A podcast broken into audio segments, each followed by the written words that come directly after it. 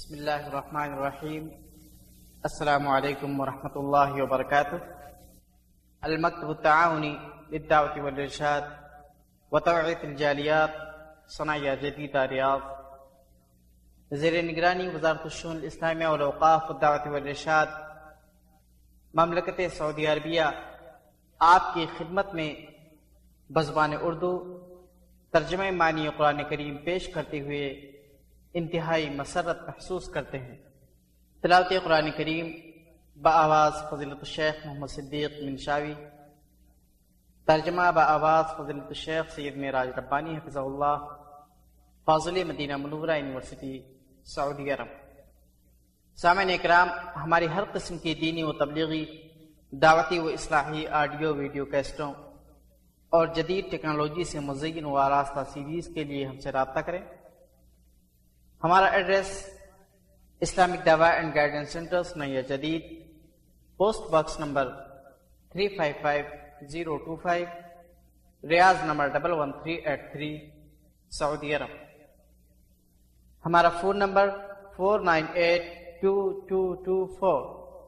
دوسرا phone number four nine eight two two two five. ہمارا fax number four nine eight two two two eight. ہمارا email address Meraj Rabbani at Hotmail dot com M E R A J R A double B A N I at Hotmail dot com آپ ہمیں اس پتے پر خط لکھیں یا fax کریں یا براہ راست ٹیلی فون سے رابطہ قائم کریں شکریہ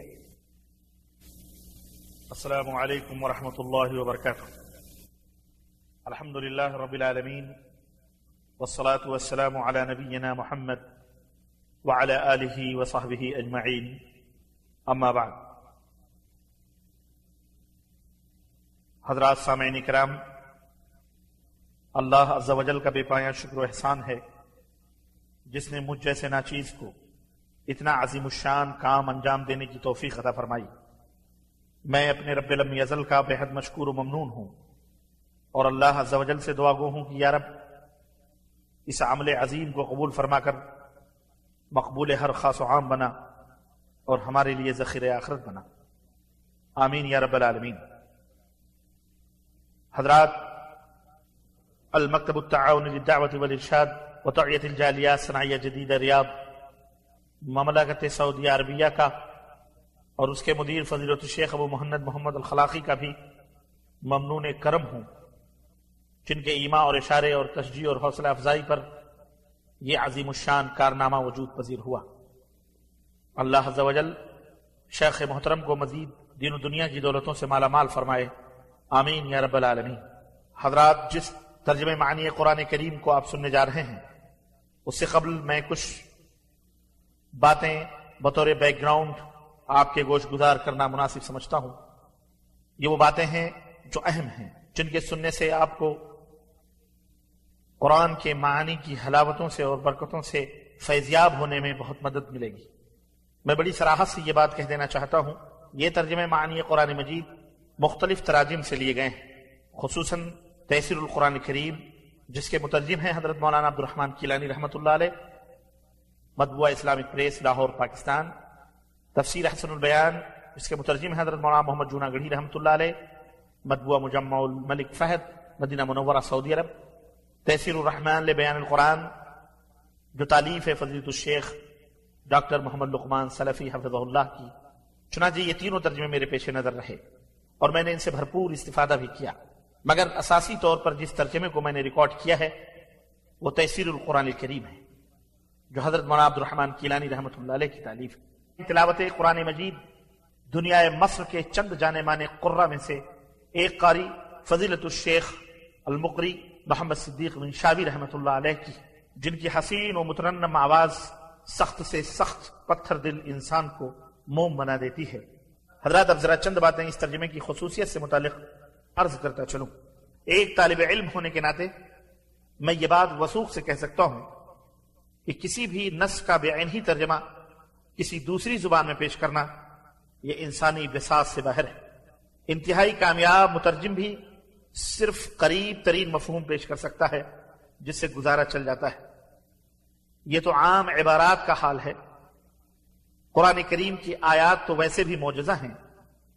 ان کا ترجمہ کیسے ممکن ہے؟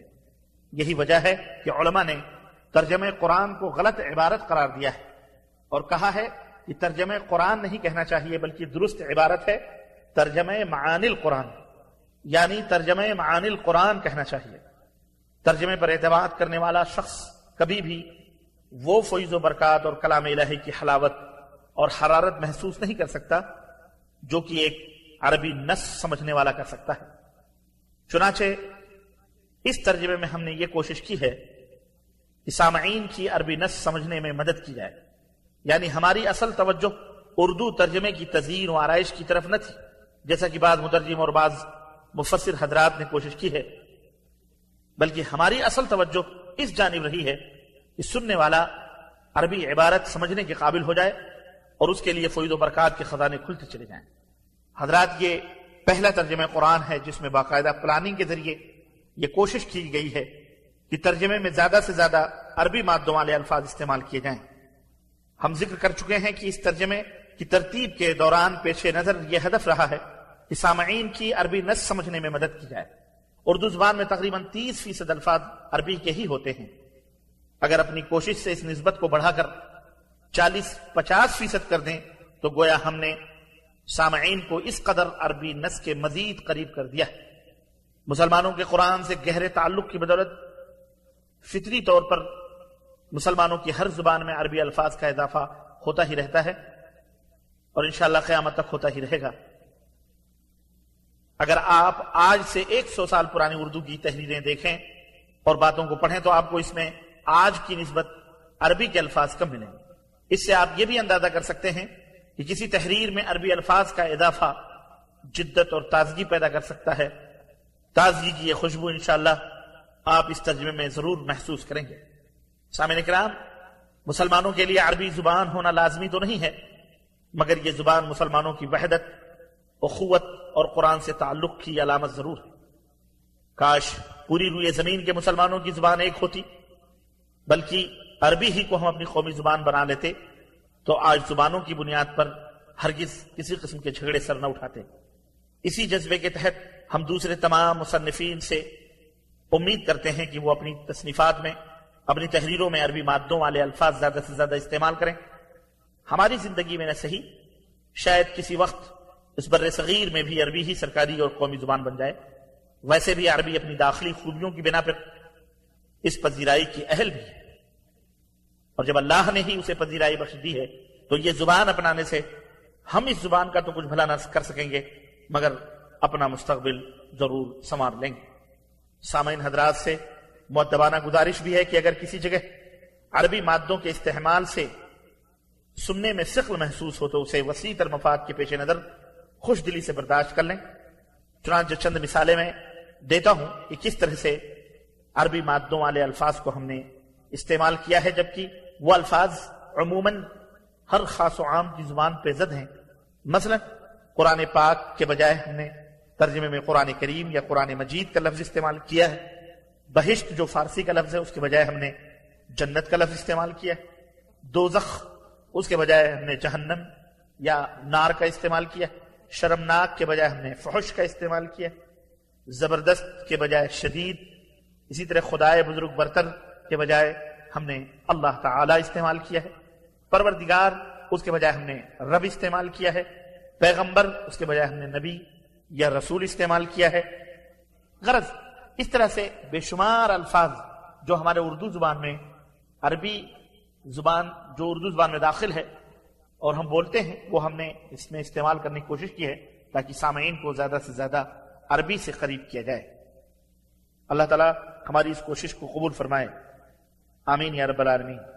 اسی طرح سے تراجم میں عموماً اس قضیے کو بہت اہمیت دی جاتی ہے کہ ترجمہ لفظی ہو یا با محاورہ ہو۔ اگر ترجمہ لفظی ہو تو مفہوم سمجھ آنا مشکل ہے، کیونکہ مضاف مدافلے اور صفت موصوف وغیرہ اردو اور عربی میں ایک ہی ترتیب سے نہیں ہوتے۔ اسی طرح بعد اوقات با محاورہ ترجمہ عربی نس سے کافی مختلف ہو جاتا ہے۔ ہم نے ان دونوں کے درمیان اعتدال کی راہ اختیار کرنے کی کوشش کی ہے۔ ترجمے کی عبارت کو بامانہ اور قابل فہم رکھتے ہوئے ہم جس قدر لفظی معنی کو جگہ دے سکے ہیں، وہ ہم نے دی ہے۔ جہاں ہم قرآن ترتیب کو برقرار رکھ سکیں ہم نے برقرار رکھی۔ المختصر براہ راست دل پہ اثر کرنے کے تمام محاسن اس میں جمع ہو گئے۔ ہیں یہ الفاظ کہتے ہوئے میرا دل ان سب کے لیے تشکر کے جذبات سے لوریز ہے جنہوں نے اس کام میں بلا واسطہ یا بلا واسطہ میرے ساتھ تعاون کیا۔ سب سے پہلے میں اپنے والدین کا شکر گزار ہوں، جن کی محنت شاق کا اور جانفشانی سے کی گئی دینی تربیت کی وجہ سے میں اس قابل ہوا کہ یہ خدمات بجا لا سکتا۔ اسی طرح میں اپنے عزیزم حافظ ابو بکر خان کا بھی بہت مشکور و ممنون ہوں، جو مسلسل میرے ساتھ اس کی ریکارڈنگ میں لگے رہے اور کمپیوٹر پر کئی کئی گھنٹوں بیٹھ کر اس کی آڈیٹنگ میں اور اس کی ریکارڈنگ میں مصروف رہے۔ اللہ تبارک و تعالیٰ انہیں بھی جزائے خیر ادا فرمائے اور اپنے والدین کے لیے ان کے اس عمل میں حصہ مقرر فرمائے۔ اسی طرح سے میں اپنی اہلیہ محترمہ ام عبد الرحمن کا بھی بہت مشکور و ممنون ہوں، جنہوں نے مسلسل میرے اس کام میں تعاون کیا کہ وہ میرے بچوں کی نگہداشت کرتی رہیں، ان کی تعلیم اور تربیت میری غیر موجودگی میں گھر پہ کرتی رہیں اور مجھے انہوں نے مکمل وقت دیا کہ میں اس ترجمے کو اچھی طرح سے مطمئن ہو کر ریکارڈ کر سکوں۔ اللہ تعالیٰ انہیں بھی جنت میں جگہ عطا فرمائے اور اللہ اس میں حصہ مقرر فرمائے۔ میں اپنے تمام ان احباب کا بہت ممنون مشکور ہوں اور میں ان سب کے لیے دعاگو ہوں جنہوں نے مجھے اس لائق سمجھا۔ کہ میں اپنی آواز میں کلام ربانی کو، اس کے ترجمے کو امت مسلمہ کے سامنے پیش کر سکوں۔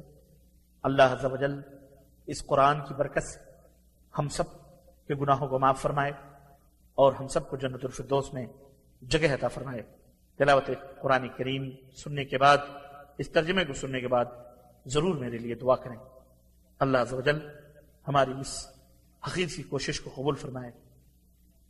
آپ حضرات سے ایک التماس یہ بھی ہے جو موقف قرآن و سنت کی روح کے خلاف ہو، وہ مسترد کر دیا جائے، چاہے پیش کرنے والا کوئی بھی وصلی اللہ علیہ نبینا محمد وعلى آلہ وصحبہ اجمعین۔ والسلام علیکم ورحمۃ اللہ وبرکاتہ۔ بسم اللہ الرحمن الرحیم۔ حضرات، آپ قرآن مجید کی پہلی صورت، سورہ فاتحہ سننے جا رہے ہیں۔ سب سے پہلی بات یہ ہے کہ سورہ فاتحہ مکی ہے یا مدنی؟ مکی ان صورتوں کو کہتے ہیں جو ہجرت سے قبل نازل ہوئی اور مدنی ان صورتوں کو کہتے ہیں جو ہجرت کے بعد نازل ہوئی اکثر مفسرین کے نزدیک صورت الفاتحہ یہ ہجرت سے پہلے نازل ہوئی۔ اور بعض مفسرین کا یہ بھی خیال ہے کہ صورت الفاتحہ دو بار نازل ہوئی۔ پہلی بار مکہ مکرمہ میں اور دوسری بار ہجرت کے بعد مدینہ منورہ میں۔ لیکن صحیح اور راجح بات یہ ہے کہ یہ صرف ایک بار ہجرت سے پہلے مکہ مکرمہ میں نازل ہوئی۔ ترمیزی اور نسائی نے عبی بن کعب رضی اللہ تعالیٰ عنہ سے روایت کی ہے کہ رسول اللہ صلی اللہ علیہ وسلم نے فرمایا کہ اللہ تعالیٰ نے تورات اور انجیل میں ام القرآن یعنی سورہ فاتحہ جیسی صورت نہیں اتاری۔ اسی کو سب مسانی بھی کہتے ہیں۔ تو اس حدیث پاک سے سورہ فاتحہ کی فضیلت کا پتہ چلتا ہے کہ دیگر کتابوں میں اس جیسی صورت موجود نہیں۔ اس سورہ کریمہ کے فضائل میں سے یہ بھی ہے کہ اسے پڑھ کر پھونکنے سے سانپ کے کاٹے کا زہر اللہ کے حکم سے اتر جاتا ہے۔ اور امام بخاری نے ابو سعید خودی رضی اللہ تعالیٰ عنہ سے ایک حدیث اس سلسلے میں روایت کی ہے۔ وہ کہتے ہیں کہ ہم ایک بار سفر میں تھے، ایک جگہ پڑاؤ ڈالا تو ایک لڑکی آئی اور بتایا کہ قبیلے کے سردار کو سانپ نے ڈس لیا ہے اور ہمارے لوگ باہر گئے ہوئے ہیں۔ کیا آپ لوگوں میں کوئی دم کرنے والا ہے؟ تو ہم میں سے ایک آدمی اٹھ کر گیا، جس کے بارے میں ہم لوگ نہیں جانتے تھے کہ دم کرنا جانتا ہے۔ اس نے دم کیا تو سانپ کا زہر اتر گیا۔ اس نے اسے تیس بکریاں دی اور ہم سب کو دودھ بھی پلایا۔ جب وہ واپس آیا تو ہم نے اس سے پوچھا کہ کیا تم دم کرنا جانتے تھے؟ اس نے جواب میں کہا کہ میں نے تو صرف سورہ فاتحہ پڑھ کر دم کیا ہے۔ ہم نے کہا کہ بکریوں کے معاملے کو ایسے ہی رہنے دو، یہاں تک کہ ہم رسول اللہ صلی اللہ علیہ وسلم سے پوچھ لیں۔ چنانچہ جب ہم مدینہ آئے اور آپ سے پوچھا تو آپ صلی اللہ علیہ وسلم نے فرمایا کہ اسے کیسے معلوم ہوا کہ سورہ فاتحہ منتر ہے یعنی دم؟ تم لوگ ان بکریوں کو آپس میں تقسیم کرتے وقت میرا بھی ایک حصہ رکھنا۔ اس حدیث کو امام مسلم اور امام دعود نے بھی روایت کی ہے۔ اور امام مسلم کی بعض روایتوں میں ہے کہ دم کرنے والے ابو سعید خدری رضی اللہ تعالی عنہ ہی تھے۔ اعوذ باللہ من الشیطان الرجیم۔ اللہ کے ذریعے میں شیطان مردود سے پناہ مانگتا ہوں۔ بسم الله الرحمن الرحيم اللہ کے نام سے شروع جو بڑا مہربان نہایت رحم والا ہے۔ الحمد لله رب العالمين ہر طرح کی تعریف اللہ ہی کے لیے ہے جو رب ہے سب جہانوں کا۔ الرحمن الرحيم جو بڑا مہربان نہایت رحم والا ہے۔ مالك يوم الدين مالک ہے یوم جزا اور سزا کا۔ إياك نعبد وإياك نستعين۔ ہم تیری ہی عبادت کرتے ہیں اور تجھ سے ہی مدد چاہتے ہیں۔ اهدنا الصراط المستقيم۔ ہمیں سرات مستقیم پر استقامت عطا فرما۔ صراط الذين أنعمت عليهم غير المغضوب عليهم ولا الضالين. ان کی راہ پر جن پر تو نے انعام کیا، ان کی راہ پر نہیں جن پر تیرا غضب ہوا اور نہ ان کی راہ پر جو بھٹک گئے۔